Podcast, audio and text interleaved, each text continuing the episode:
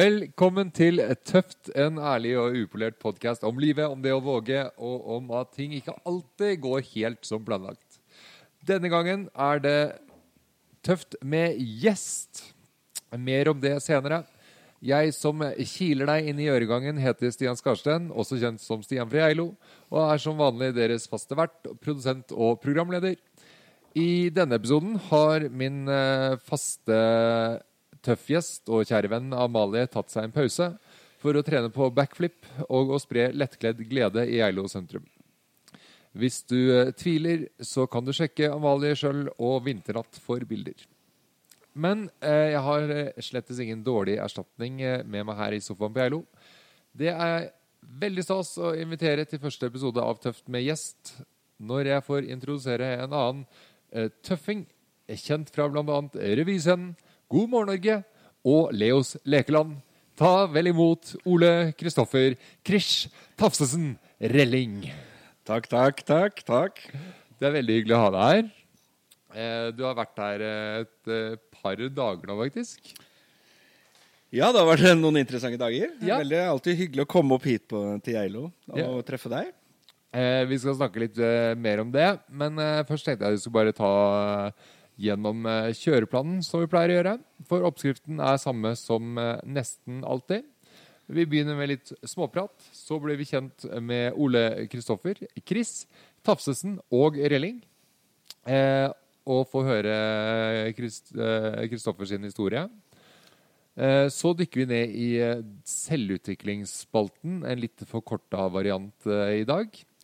Der eh, Kristoffer skal få komme med et eh, kompliment og eh, kanskje et råd på veien videre. Eh, Før det skal stilles eh, et eh, tøft spørsmål i Stian svarer så godt han kan, som er en eh, ny spalte. Der gjesten, i dette tilfellet Kristoffer, får spørre om hva han vil. Altså en variant av nødt eller sannhet, der svaret alltid er sannhet. Men så avslutter vi med planer for fremtiden, og eh, så ser vi strengt tatt hvordan det går underveis. Er du klar for å rulle i gang eh, første spalte? Jeg er veldig klar. Ja, absolutt. Så da er det første spørsmål. Hvordan har du det egentlig i dag, Kristoffer? Egentlig i dag så er jeg litt sliten. Hva, hva kommer det av at du er litt sliten i dag? Nei, vi eh, hadde jo en liten god fest her i går, da. Eh, og det var jo god stemning. Eh, og jeg blir fortere sliten enn tidligere. Jeg tåler ikke så mye eh, med tanke på eh, at kroppen min eh, på en måte ikke tåler så mye. Og det var jo litt, eh, litt godt i glasset, eh, kan man jo si også i går, da. Ja, det var en som tok på seg en rolle som eh, bartender eh, litt utpå kvelden her. Og da, da, før, før du svarer på det, hvilket navn går du egentlig under i disse dager? Eh, på det tidspunktet så gikk jeg vel under navnet Truls, tenker jeg. Ja, så Tafsesen har blitt til Truls. Ja. Ja, eh, vi skal komme tilbake til eh, hvor Tafsesen kommer fra også. Eh, men eh, stort sett så er det Kristoffer. Det er det. Ja. Eh, og du har tatt turen fra Bergen for å få litt eh, miljøforandring. Jepp. Eh, du kunne vært med på spark-VM. Vi hadde jo badedrakt til deg også. Ja, jeg tror ikke Jeg tror det var like greit det, at jeg ikke var i noe badedrakt. Ja, fordi at vi hadde jo altså, Amalie og Vinternatt, da, som du kan gå og sjekke på Instagram. Eh, de eh, har jo lagt ut bilder fra Spark-VM der de eh, er ute med, i badedrakter og roper 'kropp er topp'. Eh, og vi fikk jo hele den gjengen på besøk inn i stua her, i eh, det som nå er eh, eh. Eh, nå holdt jeg på å si barn. Det var jo en bar i går. Det var fort en bar i går. Podkastbar var det i går. Podcastbar, ja. Eh, så, men apropos det, har du, sitter du godt? Har du det du trenger? Jeg sitter godt. Sitter Deilig sofa du har. Jeg har jo måttet reparere litt her med en Fernet Branca Ja. eh, og et glass vann. Så da er vi jo klar. Ja, så Hvis du har noe annet du trenger, så vet du hvor du finner det. Det er eh, øl og whisky, tequila og selvfølgelig til deg rusbrus, da. Men eh, det er jo sånn at eh, ting ikke alltid går helt som eh, planlagt. Har du hatt noen nye uhell sånn helt nylig? Ikke sånn helt, helt nylig. Altså, bortsett fra at jeg har sølt en, eh, sølt, sølt en del i går. Uh, Ja. så Hvordan gikk det med telefonen din? Ja, du, du skal dit, ja. Nei, jeg var jo så uheldig at jeg mistet mobiltelefonen min i bakken i går. Eh, og den lever sitt eget liv. Eh, den har blant annet eh, ringt nødnummer. Jeg kommer ikke inn på noen ting inne på denne telefonen. Og så jeg er litt sånn strandet her på Geilo nå, føler jeg, med, med tanke på at jeg ikke får fikset mobilen her oppe heller. Ja, altså, Jeg har jo ordna med overnatting til podkastgjester før, men det er første gang jeg har kjøpt togbillett hjem igjen. Ja, men Det er jo fordi du også vil ha meg hjem. Eh, det er jo ikke bare fordi eh, altså, det kan handle om hvor I går på et eller annet tidspunkt forsvant volumknappen din fullstendig. Ja. Altså, Den volu- volumbryteren var helt borte. Ja, Den sto vel på maks, da? Ja, den sto på maks, jeg prøvde å ha en samtale, så jeg måtte lukke døra inn på soverommet. Men allikevel så, eh, så klagde da søsteren min som jeg snakka med, på at det var litt mye lyd. Da hadde alle andre gått. Eh, Så Eh, Men da må jeg Jeg må ta en telefon til han der Truls, jeg, tenker jeg. Og, og fortelle han litt jeg tror om både Truls ødela telefonen min og slo av Ja, det- Så Han må få en liten telefo Ja. telefon hvis jeg klarer å ringe han. det er mulig vi må sende han til Janapa eller annet egnet sted for å gå på et barkurs. også. Absolutt. Men eh, du, eh, du har jo hatt noen uh, uhell, eh, du også. Vi, vi, er, vi er jo ikke her for å snakke om gårsdagens uh, strabaser og uh, selvpåførte uh, gledesrus. Eh, men eh, mer om ting som har skjedd eh, tidligere, og litt sånn hvordan livet er nå. Ja.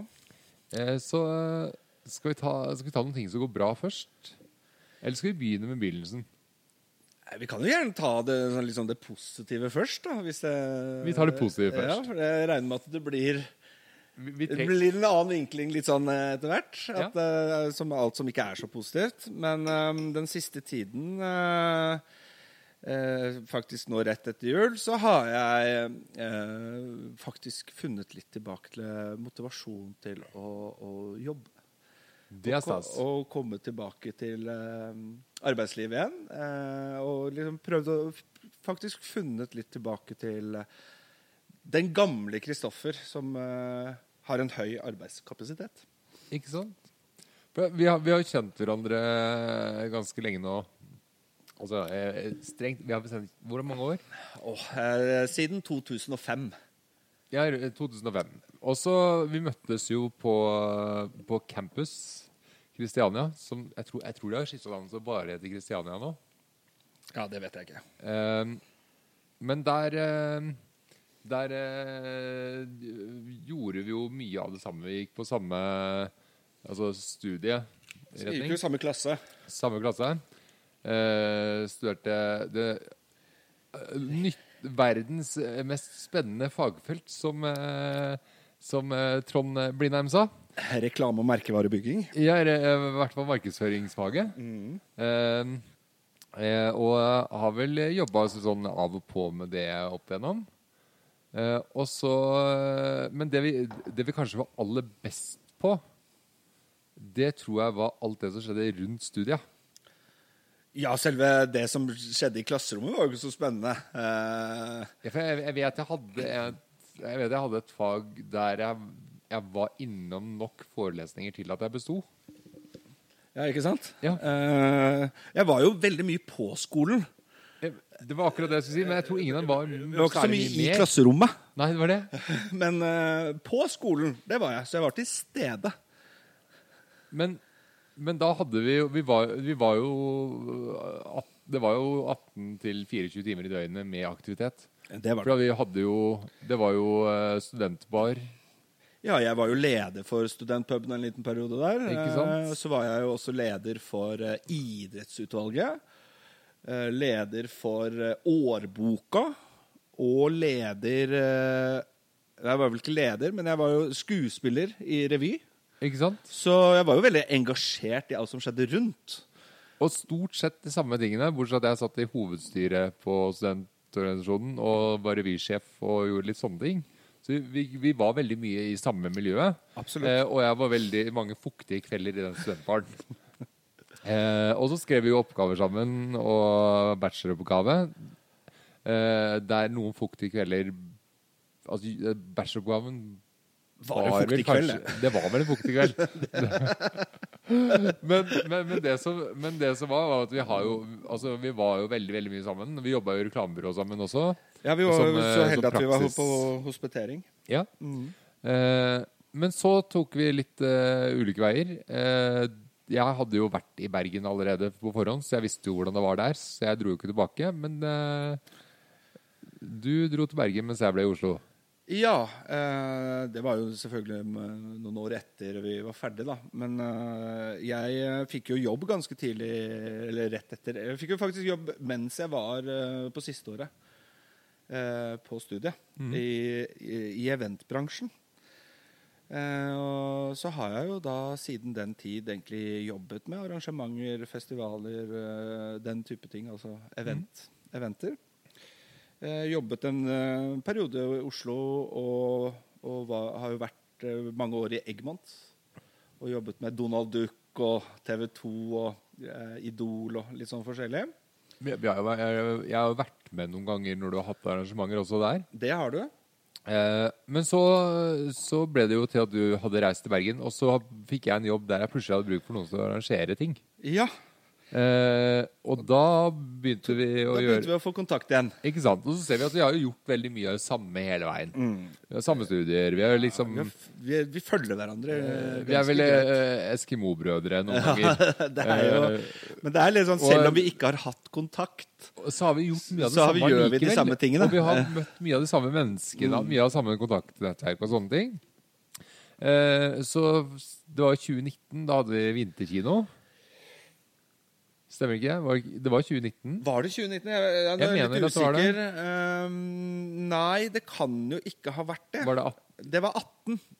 Uh, Nei, hva? Ja, ok. det var 18. Ja. Nei, det kan hende. 18 eller 19. Det er et av de årene. Ja. Uh, og det var jo en kjempesuksess, egentlig.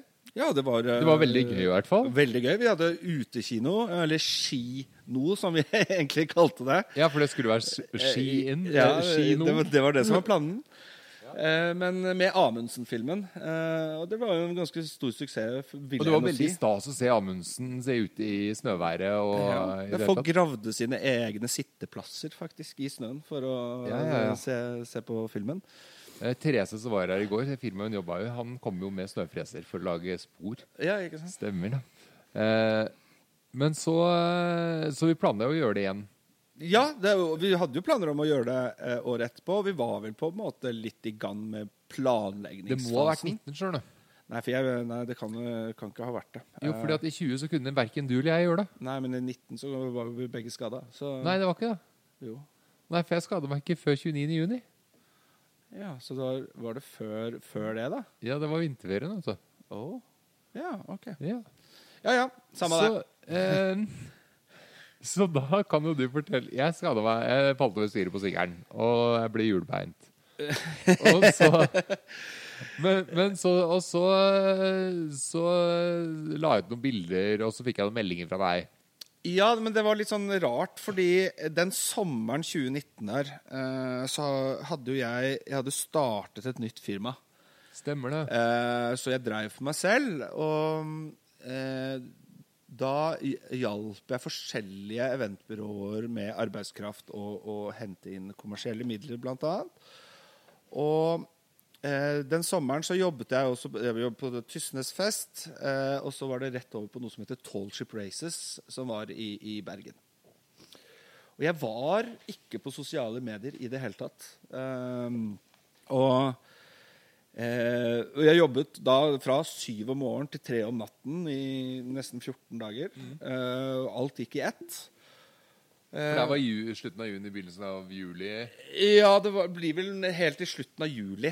Eh, for jeg reis, skulle jo reise til Oslo, for jeg skulle gjel, eh, gjøre noe på Norway Cup. Og det er jo i begynnelsen av august. Typ. Så da, ja, For da hadde jeg allerede kommet meg til Sunnaas. Ja. Eh, og, men så går jeg inn på sosiale medier, og så ser jeg at du ligger i en seng og ser ut som du er hardt skadet. Og så leser jeg liksom hele introen her. Eh, og så får jeg jo helt sjokk, for dette har jo ikke jeg visst noen ting om. Eh, og da har du jo faktisk vært skadet i noen uker. Jeg tror, jeg tror det var seks Nei, Fi- fire tre, uker. tre eller fire uker. Ja. Eh, så jeg får jo helt sjokk eh, og tar opp telefonen og ringer deg. Og så spør jeg hva, hva EF er det du har eh, holdt på med? Hva er det du driver med nå? Ja. Og da fikk jeg jo det svaret at uh, du hadde vært eh, utsatt for en ulykke og da blitt lam. Eh, og eh, ja. For vi har jo hatt vi har en felles kompis som brakk nakken mens vi studerte også. Ja, Kristoffer Han andre Kristoffer. Nyrre. Mm. Eh, så når du hørte det For det, når jeg tenkte jeg brakk nakken, så tenkte jeg at jeg, jeg kommer jo sikkert på et eller annet tidspunkt tilbake på beina. Selv om jeg tenkte at nå gikk det skikkelig gærent. For at uh, Opplevelsen min er at det her går Du ser liksom TV-reklamer sånn. Altså, de sa jeg aldri kom til å gå igjen, og så går det igjen. Og så Ja. har jeg jo sett Kristoffer Jeg har jo som aldri skulle gå igjen, og gå kompis igjen. som Og, du også kjenner, Dennis, Ja, eh. Dennis som uh, også fikk beskjed om å ikke kunne gå igjen, men han går jo igjen. Så Ja. Så det var liksom uvirkelig situasjon for begge to. Jeg, jeg, så jeg lurte på liksom Når du kom og besøkte meg, så var det litt sånn herre For jeg husker at du spurte om det om jeg kom til å gå igjen. Ja, eh, når jeg, jeg skulle jo til det Oslo, eh, og da sa jeg jeg kom på besøk til deg på Ja.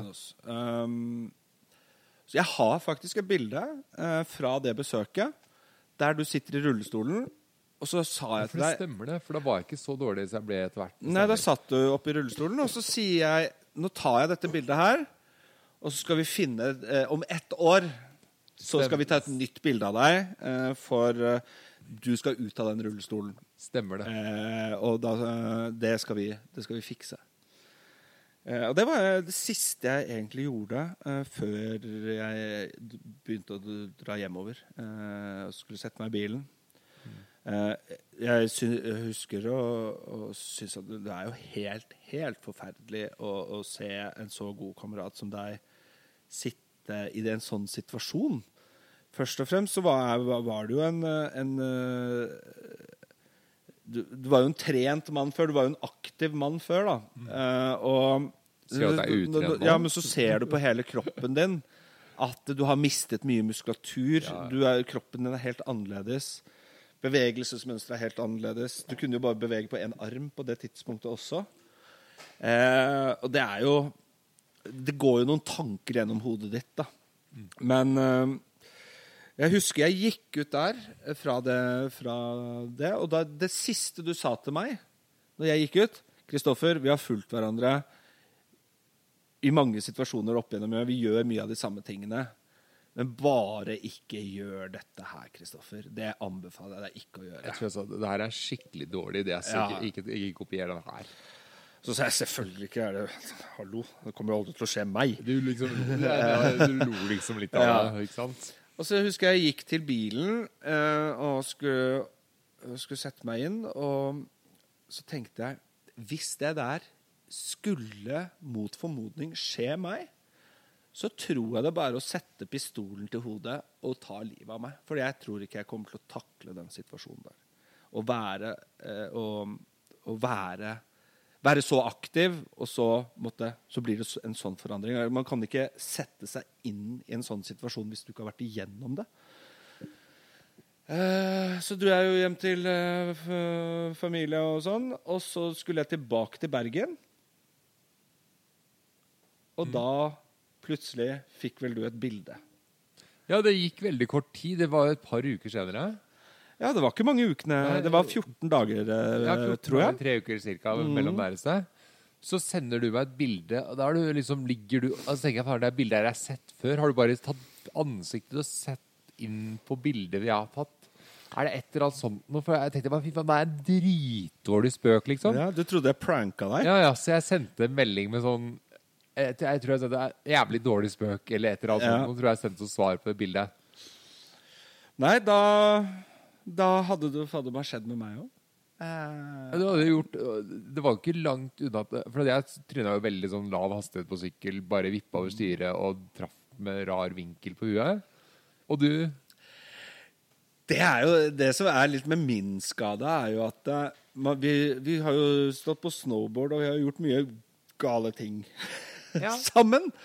Eh, og jeg kunne alltid ønske at uh, når jeg skal fortelle om hvordan jeg ble, ble, skadet selv, at den skaden skulle vært litt mer sexy, eh, hvis du kan si det. Veldig sjelden som nakkeskader er særlig sexy. Altså. Ja, men at det, situasjonen liksom Men nei, jeg skallet uh, da jeg, var, nei, jeg skallet hodet i en bjelke på Leos lekeland. uh, som jeg var der med min sønn. Og skulle hjelpe han opp en trapp. eh, opp til en sklie der jeg går huket over han med han mellom beina. Uh, og skal sette han fra meg, og reiser da overkroppen min opp og smeller hodet i en bjelke. Uh, og idet dette skjer, så skjønner jeg jo ikke hva som har skjedd. Jeg bare merker at jeg mister balansen. Det er den 'å faen'-følelsen. Ja. ja. Eh, og så skal jeg strekke ut armen min for å holde meg fast for å ikke falle bakover. Og så reagerer ikke armene mine på eh, tankene mine. Ja. Den, bare, bare, den henger sånn slapt langs siden, og, bare, og kroppen min siger sammen som en potetsekk. Og så faller jeg litt sånn til siden, og så sklir jeg nedover og, og blir liggende i sånn veldig rar positur i nederste trappen av uh, denne innretningen. Ja, Og da er sønnen din Han er Ett og et halvt år, og da står ca. to meter opp øverst og, og roper på meg. Uh, for han vil jo at jeg skal være med han videre opp. Og han, han er jo ikke gamle gutten. Han skjønner jo ikke ikke hva som skjer. Uh, så han bare roper 'pappa, pappa'. Uh, og når jeg ligger der, så kan jeg jo kun bevege øynene mine. Og når, vi, når man får denne sånn type ryggmargskade, så mister man jo også volumet i stemmen sin. Ja, ikke? Det har jeg i hvert fall fått frykt. tilbake nå. Uh, Du har, du har fått for det. jeg har jo ikke noe, jeg har ikke noe minimum, jeg har bare maks. Ja, jeg, Nå- jeg ligger på rundt fem sånn normalt sett, ikke sant? Men du mister helt volumet i stemmen din. Du mister jo alt. Det er ikke noe trykk. Um, og eh, det eneste jeg tenkte på, var jo tre ting. Det var å få ned guttungen fra toppen av trappa. Jeg var redd for at han skulle gå utfor. Eh, det, det er ganske Det er en Mm. bratt, eh, bratt trapp.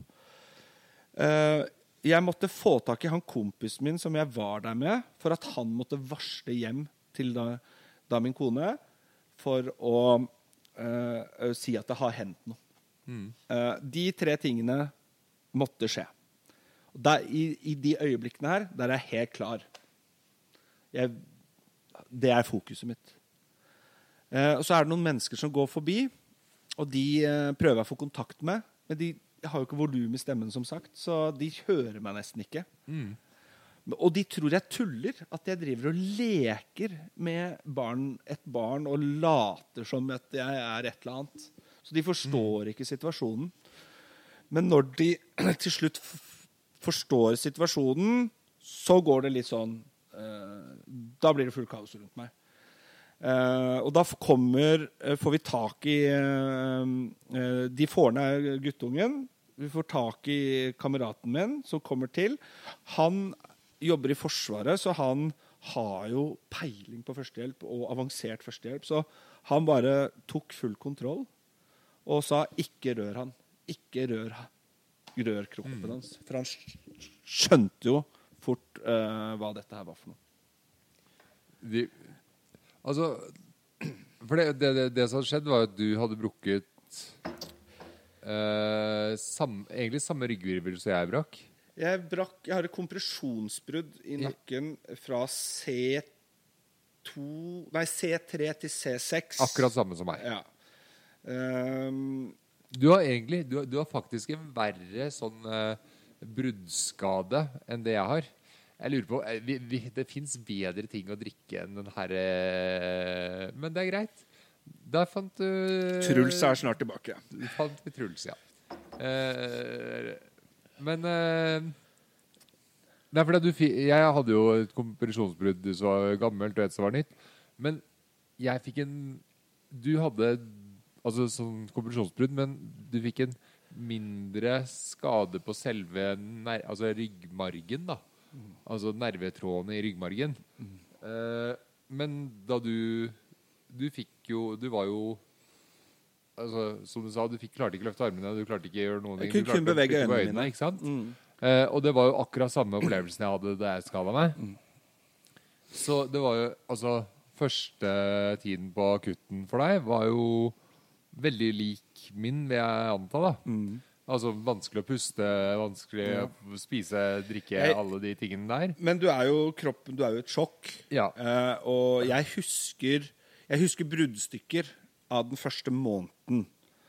Ja. jeg ble jo lagt inn på intensiven, og da var jeg litt over en uke og ble operert.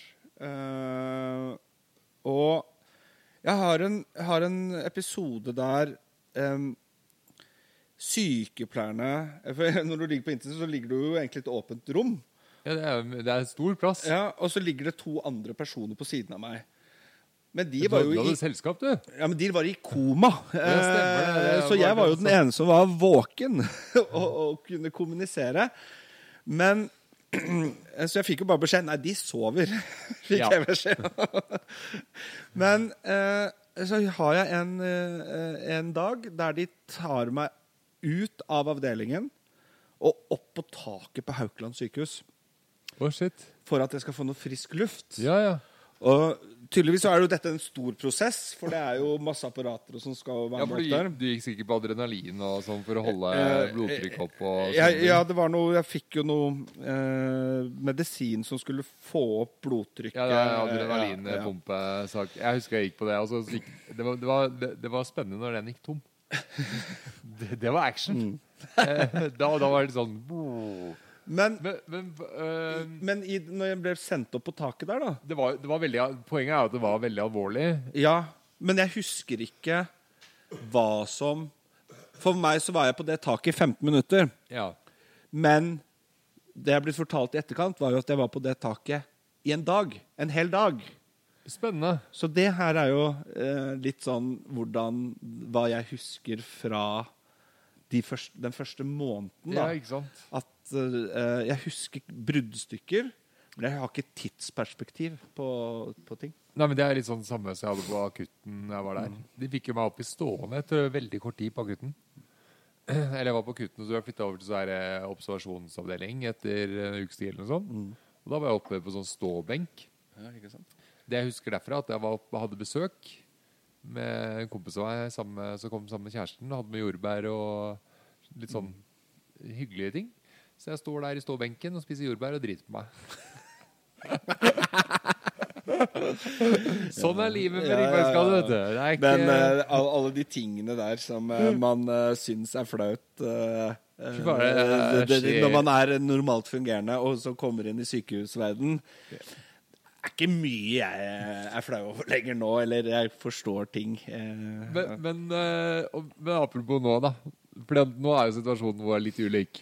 Nå er den det. Ja, Eh, fordi når du kom hit, så tok du toget og tusla på dine egne to bein ned fra toget. Det gjorde jeg. Og Truls, alter ego, klarte fint å tusle på glattisen mellom Geilo sentrum og Dr. Ja, ja. Holms eh, bratt bakke. Hvis du bråker veldig nå, så er det fordi at de skraper veien ut der. Men det, det, det, det tar vi som det kommer. Eh, men du er i hvert fall oppe og går. Jeg er jo øh, vært veldig heldig og, og har jo mul hatt, fått muligheten til å komme meg ut av rullestol og trent meg opp til å komme meg ut av rullestol. Så øh, øh, jeg er jo ufattelig Jeg er jo glad for at jeg kan liksom på en måte ta litt, litt av det gamle livet tilbake igjen, da. Uh, så ja, jeg er jo ute av rullestol og, og kan gå og ser ut som en Jeg fungerer jo fint i hverdagen. Det er jo, du du kan ikke se på meg at jeg har uh, vært skadet og har en ryggmargskade og har uh, sittet i rullestol. Det, kan det er særlig litt morsomt, Da prøver til å hoppe. Vil du ha meg til å hoppe? Eller gå på hele Ja, det, det kan jeg ikke, du. Det, det, Det er, det, eh, er noe mellom eh, Mellom hodet og kroppen som ikke er helt på nett ennå. Det er jo noen kognitive ting der, og noen signaler som eh, ikke fungerer eh, helt, helt 100% kan man si.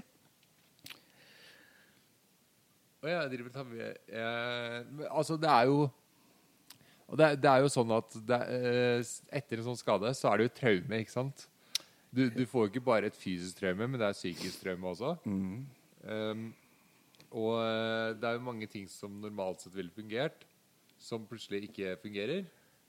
Um, det kan være eh, Altså Det kan være det at ikke du kan hoppe.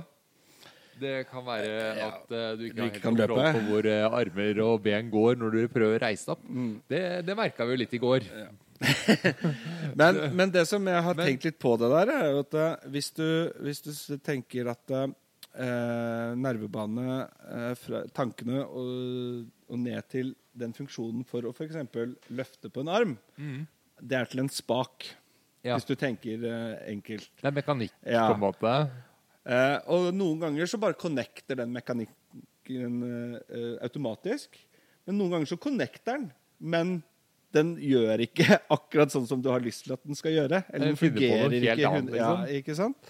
Så det er jo litt dette her. Men det er jo, eh, det er jo kognitivt det er for kroppen min, og jeg vet Mm. jo hvordan jeg hopper. Det er bare noe som skjer idet jeg skal gjøre det. Det er akkurat sånn at jeg vet nøyaktig hvordan jeg går.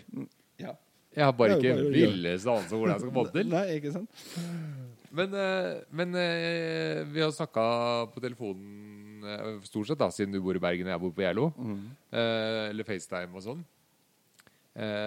Og det er jo Selv om du på en måte virker som Altså, det virker jo som alt du, du, På utsida så ser alt normalt ut. Eh, det er jo ikke noe sånn at du går rundt og har tics og eh, drar på ene beinet og eh, klapser med Jo, vent, da. Det gjør du faktisk. Du klapser jenter på rumpa med ene armen. Men, men Nei, det gjør jeg ikke! Nå må du slutte å tulle. det, er så seinere på kvelden. Det er lo. Men det er tics, da. Nei, da. Nei, da må du slutte. Jeg gjør Nei, ikke men det. du, du ser helt vanlig ut. Det er det som er poenget, ikke sant? Eh, så du har jo Men du, du har jo hatt Du har jo en del ting som ikke er synlig. Og det Det er jo det jeg sier, at det er jo ikke bare en fysisk skade, det er jo, altså det er jo en kognitiv skade også. Det skjer noe i hodet ditt etter et sånt traume. Mm. Det er en sånn eh, Så jeg holdt på å skrive PSD her, men PTSD. Eh, det er, du har Det er jo du, du, Og det, det er jo med flere jeg har snakket med, eller flere jeg kjenner som har vært eh, Eller fått en eh, nakkeskade, ryggmargskade.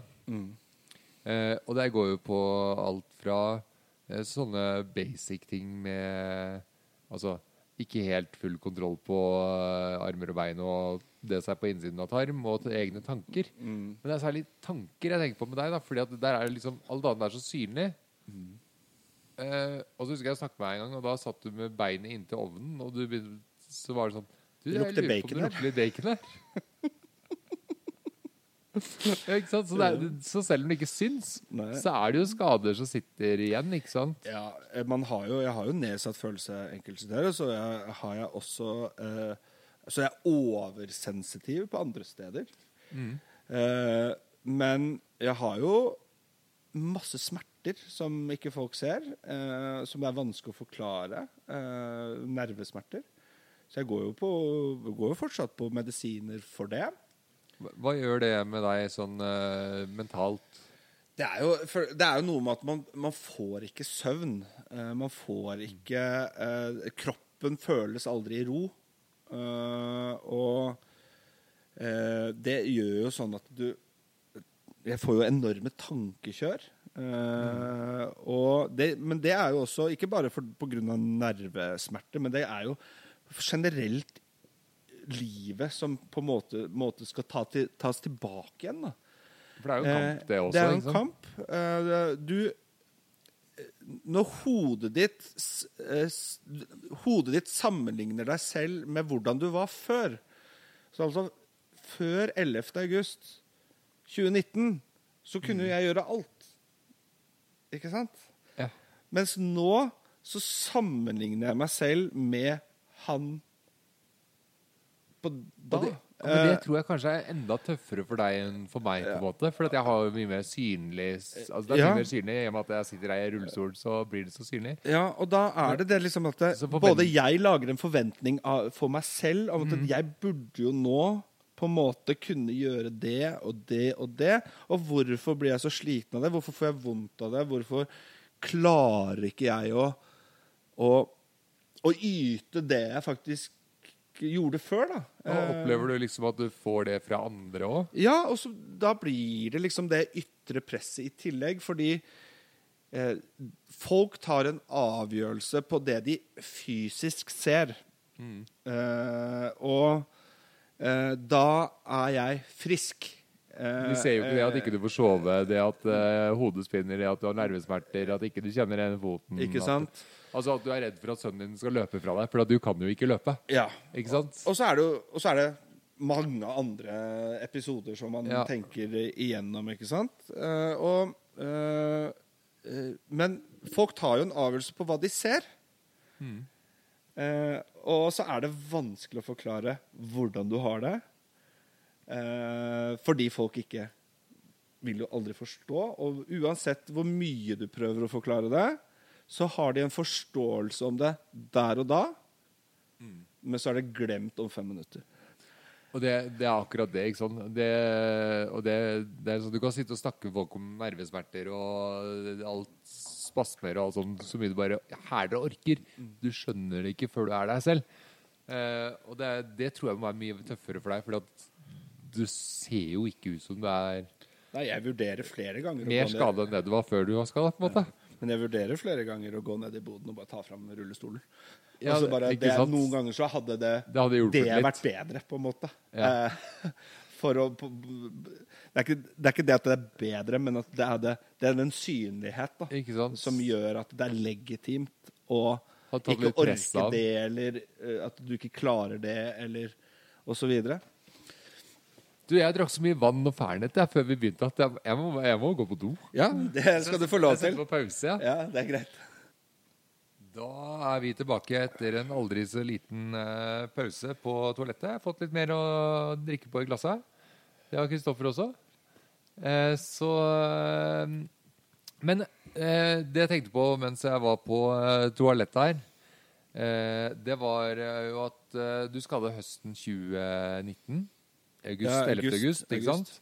Så hadde du noen uker på der du lå på intensiv og ikke var veldig godt fungerende. Mm. Så husker jeg at du kom eh, og besøkte meg på Sunnaas. For jeg var på Sunnaas da, og det var rett etter jul. Nei, det var rett Eller var det før rett jul. før jul? Det var jul. For det var julepynt, i hvert fall. ikke sant? Mm. Vi har en Eh, video på det. Ja, vi har det. Ja, der vi ruller nedover gangen, der begge to. vi- vi, det, det, det, på Facebook så ligger det en video av oss to i hver vår rullestol. Jeg tror Det rille, på, trullende nedover i gangene på Sunnaas, og så står det over To gode kompiser eh, r, eh, triller eller ruller inn i 40-årene. ja, det er noe sånt det står, ikke sant? Det er 40 år, ja, stemmer det. Eh, for det ligger på Stians back, og så ligger det på din eh, Facebook på Ja. Ole Kristoffer Elling. Eh, men eh, rett etter det så eh, fikk vi jo en hel haug med sånne afterski-turister fra Geilo som dro med seg en pandemi fra Italia. Og eh, det gjorde jo at livet ble Altså, uansett da når du får en sånn ryggmargskade, så snus jo livet på hodet. Altså, alt du trodde var, det, og alt du, sånn livet var, det, det finnes ikke lenger. Og det tror jeg er for alle i forhold til hvor stor skaden er, hvor Ja, det er heftig skaden jeg like er, alt like mulig, ille. så, er det, så snur det livet på hodet. Og, og, men det at det kom midt i en pandemi i tillegg, der folk skulle isoleres, når du virkelig trenger folk rundt deg, eh, det gjør jo at det kanskje blir eh, hakket mer heftig enn det vi, eh, noen av oss var forberedt på. Så Men eh, altså, for din del eh, Hvordan opplevde du det? For, at jeg, for min del, når pandemien kom, så var jeg så, da var jeg så dårlig at jeg fikk ikke med meg noen ting. Men du var jo på en måte på vei ut i verden. Du skulle jo ut i livet. Ja.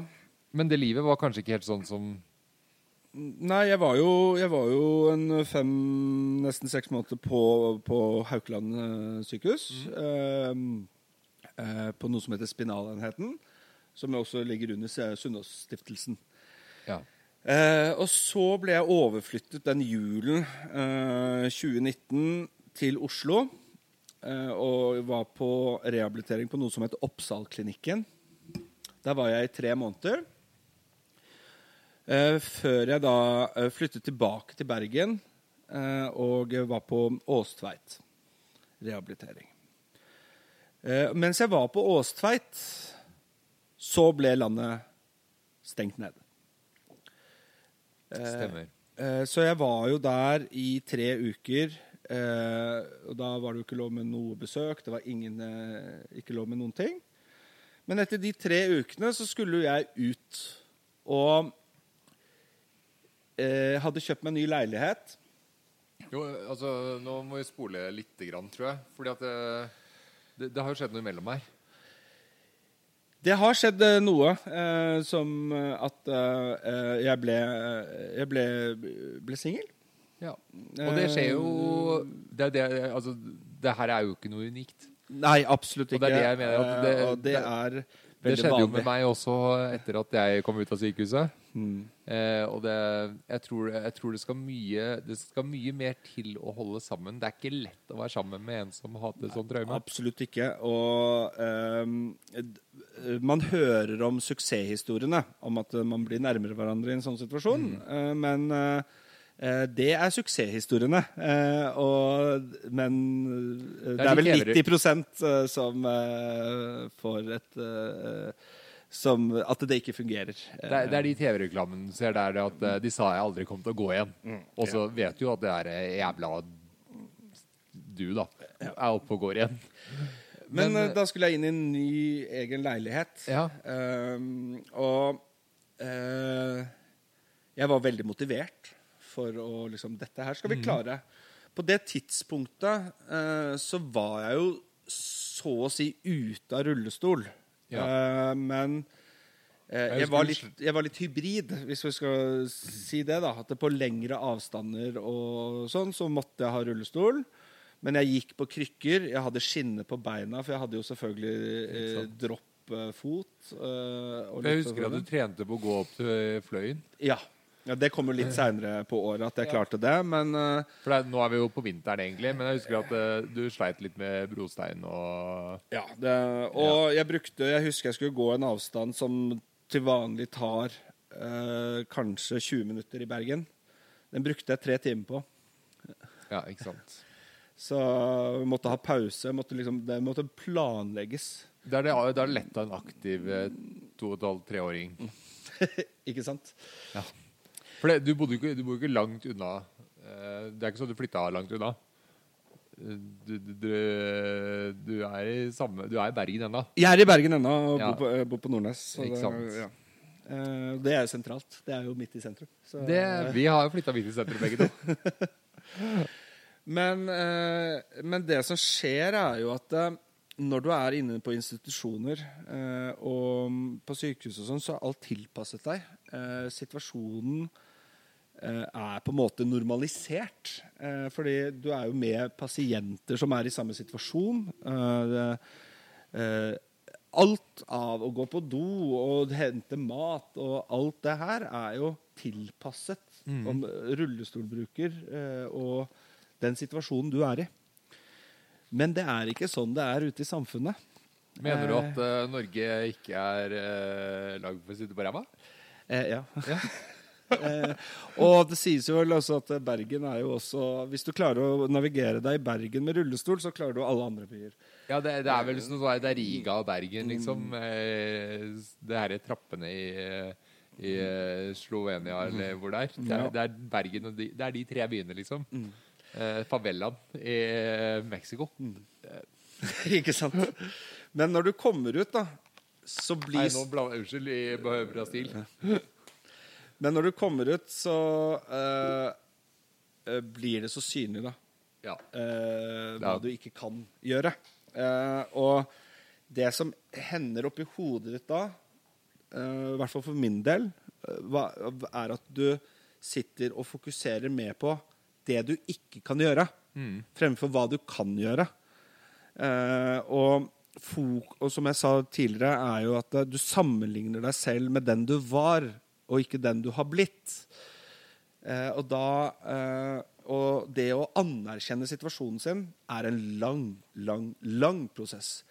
Det er ikke gjort på en uke eller to. Det kan ta flere år å, å anerkjenne situasjonen du er i. Ja, og, og selv om du gjør det, så er det jo ikke sånn at verden rundt deg anerkjenner at eh, Vet du hva, her har vi en som ser eh, helt uh, oppegående og frisk ut, men som har noen ting vi må ta hensyn til. Eh, er det sånn at du har på en måte eh, Altså, livet, livet går jo videre, ikke sant, men er det sånn at du har blitt uh, fornærma eller eh, så Altså, føler du at du blir liksom fornærma eller såra av hvordan andre responderer på deg eller på ting du ikke kan gjøre? Eh, både ja og nei. Ja, jeg har blitt eh, sånn, liksom Jeg blitt litt forbanna irritert på at uh, folk rundt meg ikke eh, helt kan forstå hvorfor jeg ikke kan gjøre sånn. Hvorfor gjør du de valgene fremfor de valgene, eller osv. Men jeg har vært en gang jeg ble oppriktig lei meg, såra og, og, og nedfor. Eh, og eh, det var faktisk eh, en situasjon som også du var involvert i. Eh, og det For vi var jo Vi har jo blitt forespurt, eller litt forskjellige ting. Ja, altså stille opp i Eh, stille, stille opp i ja. ting. Um, og din situasjon er jo Den kan folk enkelt se at du har en kamp på det fysiske plan mm. uh, med å komme tilbake til livet. Ikke sant? Du trener. Du liksom, hva, hva gjør du for å komme tilbake? Og du har jo kommet en enorm lang vei fra når jeg tok det første bildet av deg på Sunnaas, Ja, da klarte jeg jo å sitte oppreist. ikke sant? Da Til- bundet fast i en rullestol. til den Stian jeg ser nå. Eh, og alle kan forstå at det er en kamp. Men jeg har hatt min kamp. Jeg, det har jo ikke vært at jeg bare plutselig en dag tenkte Nå skal jeg gå.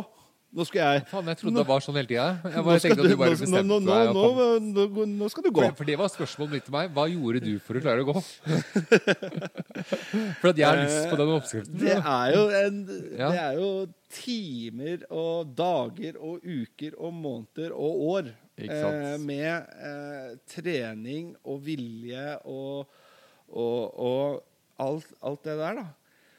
Men så ble jeg forespurt eh, fra et, eh, noen om at vi skulle stille opp i noe, vi to. Mm. Og da sa de til meg, nei, sa til deg, at eh, ja, vi skal skrive noe om liksom, din kamp tilbake. Um, og det er jo enkelt å liksom skjønne din kamp tilbake. Og så sa de til meg Men vi sliter litt, Kristoffer, med å se eh, din kamp. Eh, fordi Det er ikke De- så visuelt, på en måte. For vi det, det eneste de ser, er, og som har vært i mediene de, de siste, siste åra, er min kamp mot Leos Lekeland, og at jeg har gått til sak mot de. Ja, ikke sant. Eh, og det er For det, det, det handler jo om litt sånn sikring og sånne ting. Som, det Ja. Fordi at det, det var jo det som var Ja, det handler om litt om uh, sikkerheten rundt dette. Eh, og eh, at, det- at det er min kamp. Det er jo ikke det som er min kamp. Min kamp er jo hverdagen. hverdagen. Eh, og Det å bestemme seg for at eh, vet du hva, jeg skal faktisk bare gå og legge meg og prøve å få sove istedenfor å ta det glasset med piller. Det er litt sånn, Ja. ikke sant? Og det er altså eh, Jeg tror ikke jeg kjenner noen som har vært i sånn situasjon, som ikke har tenkt liksom de tankene. For min del så var det jo sånn at jeg, jeg var sikker på Jeg hadde jo funnet Jeg måtte nå absolutt bånden før jeg kunne komme opp igjen. Så for min del så var det sånn jeg måtte, jeg måtte vite nøyaktig hvordan jeg skulle ta livet av meg selv. Før jeg klarte å gjøre noe med situasjonen jeg var i. Ja. Og sånn tror jeg veldig mange har hatt det. Jeg, vi har jo snakka om det, men, eh, og det er jo ikke sånn at jeg skal du, du må ikke si noe om eh, dine ting. Men jeg vet jo at alle sliter med den her eh, PTSD, altså posttraumatiske stressbiten i i Mm. Eh, men hva, hva, hva, du har jo nådd en bunn før du klarte å komme deg opp igjen der at du har lyst til å gjøre noe i dag. Ja, og det er jo ikke lenge siden jeg har hatt lyst til å gjøre noe. Det er jo bare noen uker siden. Ikke sant? Eh, og Fordi at der gjorde vi, fulgte hverandre ganske greit der òg. Vi starta vel firmaet omtrent samtidig. Du var litt før meg da, den gangen her. Ja, eh, men eh, eh, det, det folk ikke tenker over De ser det fysiske. De ser eh, det at eh, OK, du, du er tilbake på beina. Eh, og, eh, men det som skjer inni hodet, er ikke det man alltid eh, utviser eller utstråler. Da. Eh, og eh, når man er sammen med andre mennesker, så selter man på seg maske, man, mm. og man eh, Man vil ikke vise at Man vil vise at ting går bra. Eh, det er det man viser. At ja, ja, men det, ja, men det er sånn som skjer, og ja, ja, vi får Og bare det å opprettholde den fasaden er jo slitsomt. Det er, det er jo noe som heter Eh, giftig positivitet. ja. Så det er, litt sånn her, det, er, det er jo litt sånn skummelt når du trykker ned alle negative ting. For de kommer jo opp igjen når du blir sittende alene. Når det er pandemi, da. Og så gidder du ikke å sitte og forklare alt mulig opp og ned i mente hele tiden Nei, heller. Eh, Du blir lei av det, du blir sliten av det. Så du gir opp det. Og det som har skjedd med meg, er at jeg bare har trukket meg mer og mer og mer tilbake inn i mitt eget skall. Jeg er en enormt utadvendt person. Eh, Ja. Og eh, Det hørte vi i går. og Oversosial, ikke sant? Eh, og glad i mennesker. Ikke sant? Eh, mens eh, nå kjenner jeg meg ikke igjen selv. Sånn som jeg sa til deg i går når vi satt aleine her, at eh, før, hvis jeg hadde vært her, Ja, ja. så hadde det vært en helt naturlig greie for meg at vi skulle ut og gjøre, møte folk. Du skulle ha på deg badedrakt og være med Ja, jentene og være, si kropp er topp. Men jeg syns det er så deilig å bare Jeg tør ikke å møte mennesker. Jeg syns det er deilig å bare OK. Men det, må det vi er ha mennesker rundt oss? Det er Mm. her litt sånn skumle situasjonen nå, ikke sant? Der du på en måte må legge litt lokk på følelsene for å tørre å gjøre, ikke sant? Mm. Eh, Det er mer stress for meg å være sammen med mennesker enn å være Truls er. Hvem er Truls? Tr Truls er han som har fått på lokket. Trykkokeren! Ja, altså, da er liksom bare eh, bryteren på trykkokeren oppe, volumknappen er tatt av, og det er nok liksom eh, Nok brunt brut brennevin til at han eh, ikke vil Altså at det, er greit. Og det, det er nok veldig mange som opplever at må til. Jeg kjenner jo på det selv òg. Det blir jo mye lettere å være rundt mennesker med en sånn uh, trivselspromille. Den podden skulle egentlig hete 0,7. Ett glass til. Et glass til. Vi skulle litt over. Vi skulle pushe grensa på det her. Og det er det vi egentlig driver med. Vi pusher jo litt sånn på i forhold til hva jeg spør deg om og sånne ting. Men Men eh, litt tilbake til det. det. Det som gjør at når man trekker seg tilbake til sitt eget skall, da, eh, det er at eh, tankevirksomheten blir større. Mm. du forstår ikke helt hva som skjer. Du blir eh, du, du tviler på deg selv. Eh, jeg har jo også en sønn mm. som jeg, jeg har jo alltid hatt en formening om hvordan pappa jeg har lyst til å være. Jeg har jo alltid vært en aktiv fyr. Eh, og når eh, jeg ikke klarer å være den pappaen jeg har lyst til å være, eh, så blir det sårt. Eh, og eh, tank, tankespiralen blir mer negativ, mer negativ, mer negativ, og de blir mørkere, mørkere og mørkere. Og når du kommer inn i et visst mørke, så begynner det jo ikke å bli bra. Eh, og der har jeg absolutt vært eh, flere ganger. Eh, og da kommer jo dette Det er ingen vits å leve lenger. Eh, for du ser ikke noe av det positive du kan selv bidra med. Det er bare, Du er bare belastning, Det, det er bare belastning for alle andre. Eh, og i begynnelsen, når jeg begynte å få de tankene, så uh, tenkte jeg jo konsekvenser. Eh, da begynner du å tenke ja, men, Oi, hva om jeg gjør det, så vil jo nærmeste familie ditt, Ringvirkningen av det. Men når tanken er så mye med deg, og den blir så dagligdags, den blir så vanlig, den er der hele det Du bare kverner og ligger bak der, og så blir så du... begynner du å miste konsekvenstankegangen din. jeg, jeg tror kanskje ikke du mister konsekvensen. Du blir bare vant med at ja, men sånn er det bare. Ja, du, Det ja, men blir du, flat. Du ser, ja, du ser ikke konsekvensene lenger, da. Eh, Ja, de blir så fjerne. Eh, og da er da det begynner å bli farlig. Eh, Og der er, har, har jeg Du er komfortabel med tanken på det, ikke sant? Ja. Du, ser ikke, du ser ikke det lyset i tunnelen, Nei. eh, rett og slett. Og da eh, Der har jeg vært eh, ja, tre ganger sånn offisielt. Ja, ikke sant? Men det er den her med å være komfortabel med tanken på at jeg er egentlig allerede død. Ja. Så jeg kan egentlig gjøre hva jeg vil nå. Men det, jeg hadde aldri skjønt hva du mente før jeg endte den situasjonen jeg er i nå. Men Ja, eh, men jeg har eh, lyst til å dra det over til noe positivt nå. skjønner du? Ja, men jeg skal bare bli ferdig med Ja. resonnementet mitt. Og det er at eh, eh, Jeg er litt stolt av meg selv oppi den situasjonen nå. Jeg syns du skal være jævlig stolt. Jeg. Fordi jeg har faktisk tatt tak i ting. Jeg la, har lagt meg selv inn på DPS. Jeg har søkt den informasjonen, eller søkt den hjelpen jeg føler at jeg trenger, fordi jeg er redd for at det skal gå til helvete. Eh, men etter, også, men det du møter også når du søker hjelp, er også en motstand i tillegg til at du, du søker hjelp og ber om mer hjelp, og så møter du allikevel motstand fordi systemet er så jævla øh, vanskelig, da. Og da møter du nok en kamp. Og så når du møter nok en kamp, så er det kanskje en kamp for mye for deg. Så du står og stanger i veggen og veggen og veggen. Og da Og Da blir det vanskeligere å se hvordan du kan bruke eller på en måte utnytte da, i gåstein-systemet, og isteden så blir du stående stange mot deg. Det er, og det er jo det som, er, det er det som har vært Det har, tar meg litt videre til egentlig den positive delen jeg vil til. da. Fordi at hva driver Når, du ikke kan, når systemet ikke vil, hva gjør vi da? Hva, hva driver du med om dagen? Hva jeg driver med om dagen? Eh, jeg gikk jo ut i mediene og fortalte om eh, min mørke historie. Eh, etter at politiet hadde sparket inn en dør og eh, For det gikk litt eh, tøft, det gikk litt hardt for seg ja, hjemme. eh, ja, og fant, fant, fant meg en seng. Eh, Det var din seng. hæ? Var din seng. Ja, det var heldigvis min Ja, det, seng. var, det var ikke sånn at du hadde endt på gata i Nei, nei. Rand hospits. Eh, men eh, Men det er ikke det du driver med om dagen. Nei, det jeg jobber med om dagen, uh, er Du må, men du traff bunnen. Jeg traff virkelig Du måtte treffe bunnen, du også. Ja.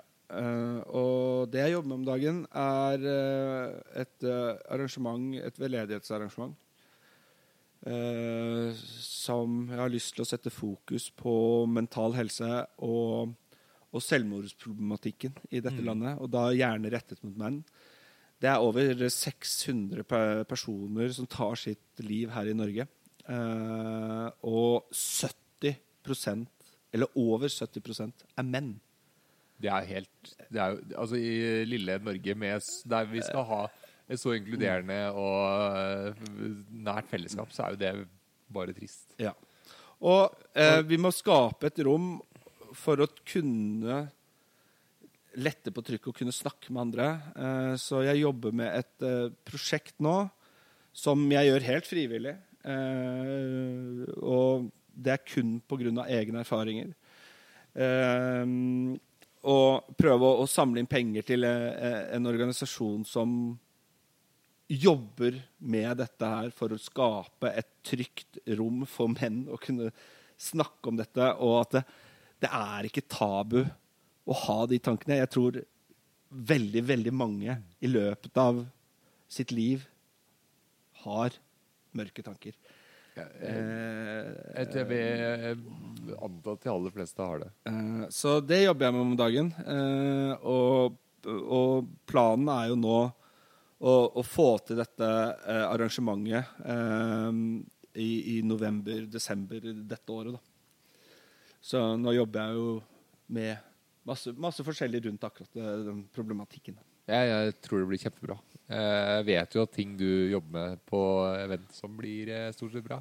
Ja, jeg håper. Er det, hva, er det, hva er det du Altså, det her er vel noe du gleder deg til. Absolutt. Har du en annen sånn høydare, eller eh? Eh, nei, det, det er det som, eh, det som driver meg om dagen, uh, rett og slett. Eh, så eh, har fått snakket med mange, mange potensielle samarbeidspartnere og fått masse positiv respons. Så det, Det er jeg veldig glad for å høre. Mm.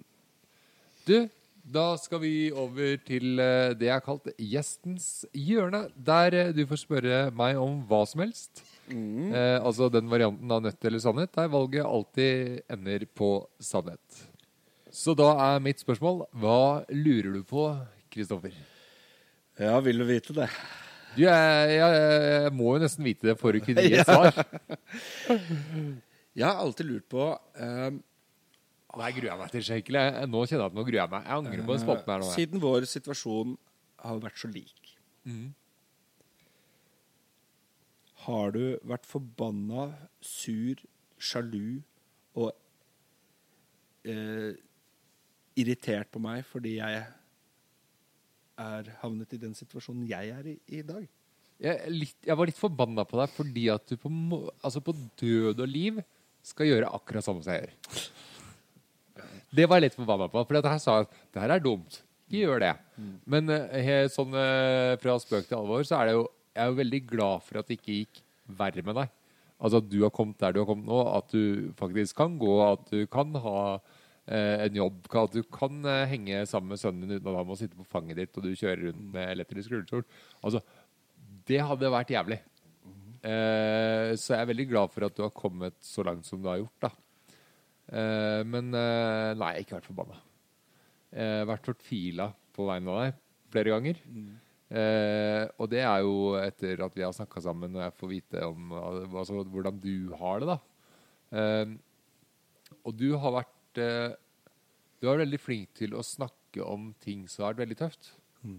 Eh, og det har jeg kanskje ikke vært like flink til å dele fordi at eh, jeg er eh, Jeg tror jeg fortalte om at jeg måtte nå bånden for at jeg skulle komme opp igjen. Ja. Eh, og sa at det kommer sikkert til å skje med deg også.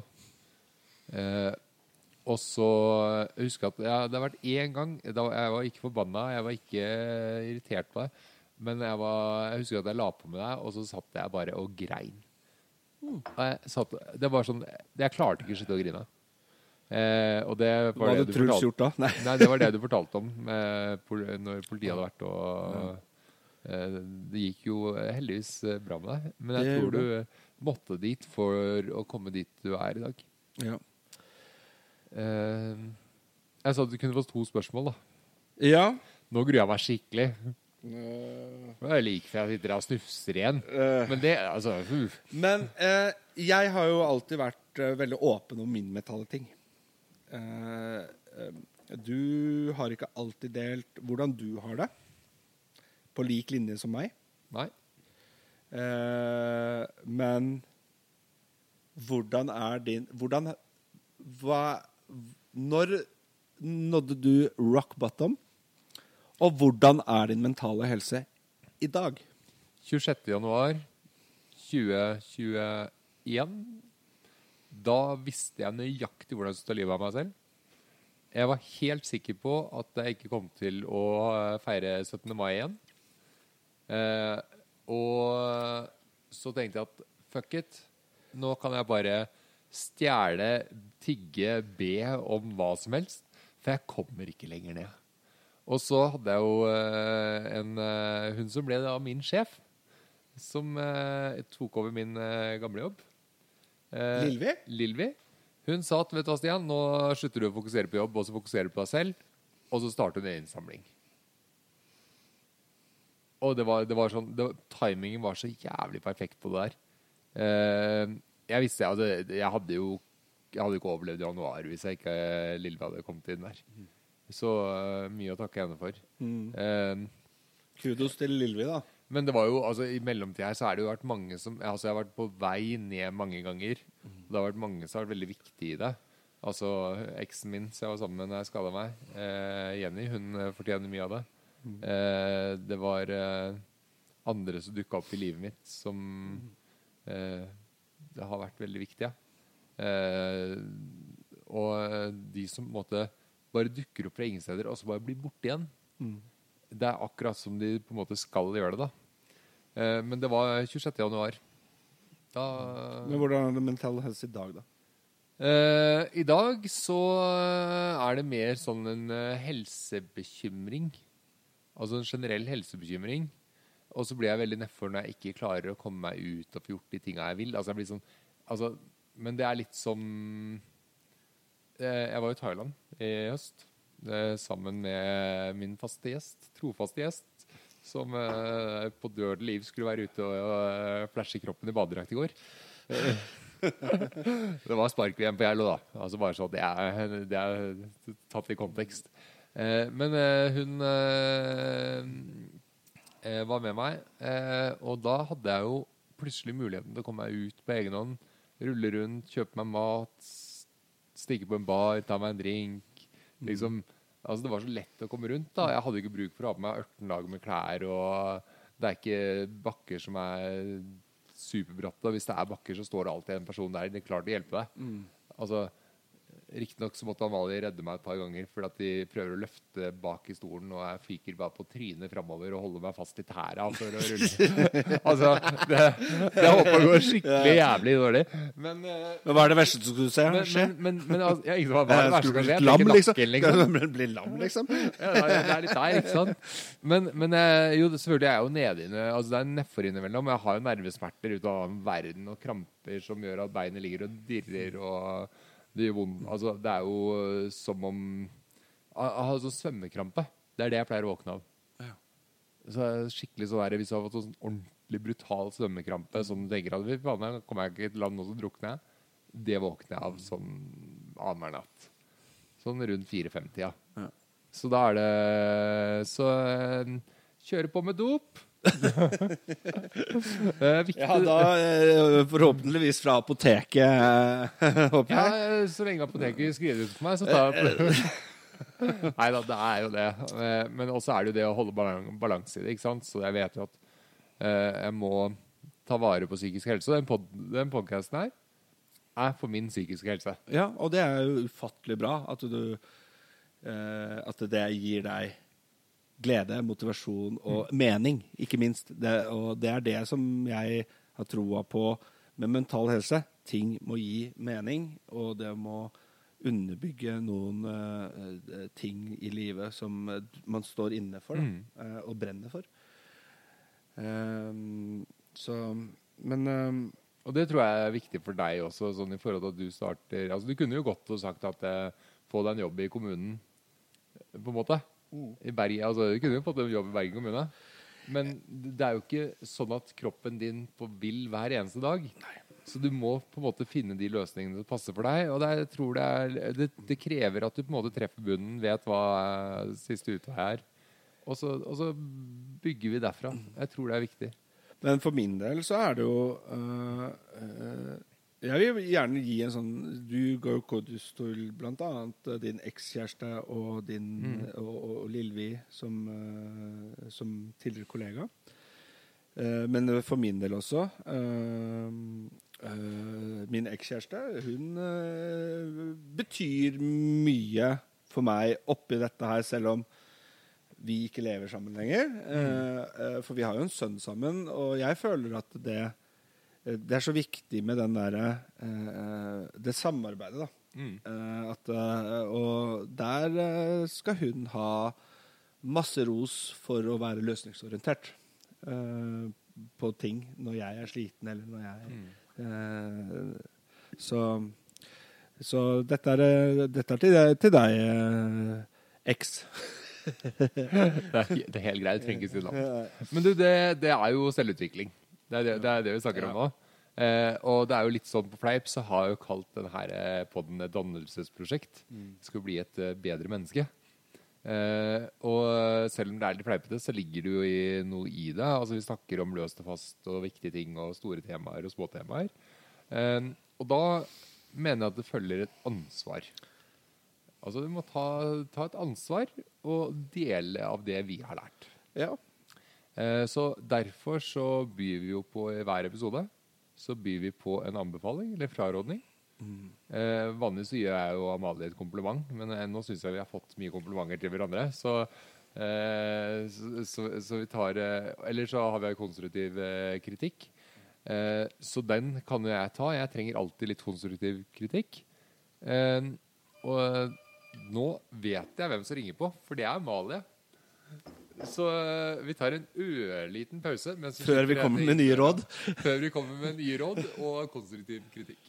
Da har eh, Amalie kommet inn døra etter en relativt hard dag i går. Så har hun funnet seg en eh, stille og rolig plass i sofaen. Så vi lar ordet gå videre til Ole Kristoffer Relling. Nå skulle jeg gi en anbefaling eller en sen- selvransakende ting. Var det det Ja, en konstruktiv kritikk eller et kompliment. Kompliment? Det kan du også gjøre. Eh, Det er bare kritikk å gi her, eh, her i dette rommet akkurat nå, eh, Ja. etter gårsdagen. Etter, etter gårsdagen så er det mye å plukke på. Ja, det er mye å plukke på. Men, men ut til alle der ute, tenker jeg. Eh, Ja. Så tenker jeg at Løft blikket. Og del ting hvis du har det vondt. og ikke vær redd for å dele ting med andre. og man er aldri alene. Eh, det er alltid noen som vil føle det samme som deg, eller har de samme issuesene. Så man skal ikke være redd for å dele ting som plager en. da. Mm. og jo mer man deler, jo mer eh, positivitet og respons vil man få. Og man må kanskje finne svar på spørsmålet også. Skål for det. Skål for det. Uh, jeg har uh, Jeg har uh, først en eh, Hva skal vi kalle det? Eh, jeg har først en eh, En kompliment. Ja, kompliment! Eh, og det er fordi at du tør å stille opp, og at du har vært så åpen og ærlig. Jo, takk for Det er jo meningen med Tøft. Og så har jeg en anbefaling. Og det er at hvis du møter da Truls, aka Tafsesen på byen, så pass på stumpen. Fader! Eh, etter eh, alle værmerker så er eh, Amalie tilbake i neste episode. Hun har lovet en ny spalte. Jeg vet ikke om jeg skal grue meg eller glede meg til den. Jeg vil takke så mye til deg som hørte på, og ikke minst til dagens gjest. Ole Kristoffer Krysch Tafsesen Relling. Eh, og selvfølgelig Amalie, som kommer inn i siste liten for å ta kreditt der kreditt kan tas. Hvis du liker det du hører på, og eh, vil dele det med andre, så setter vi stor pris på det. Eh, abonner gjerne, del og gi fem stjerner til podkasten Tøft til neste gang vi høres. Du finner oss der du hører podkast. Hei så lenge.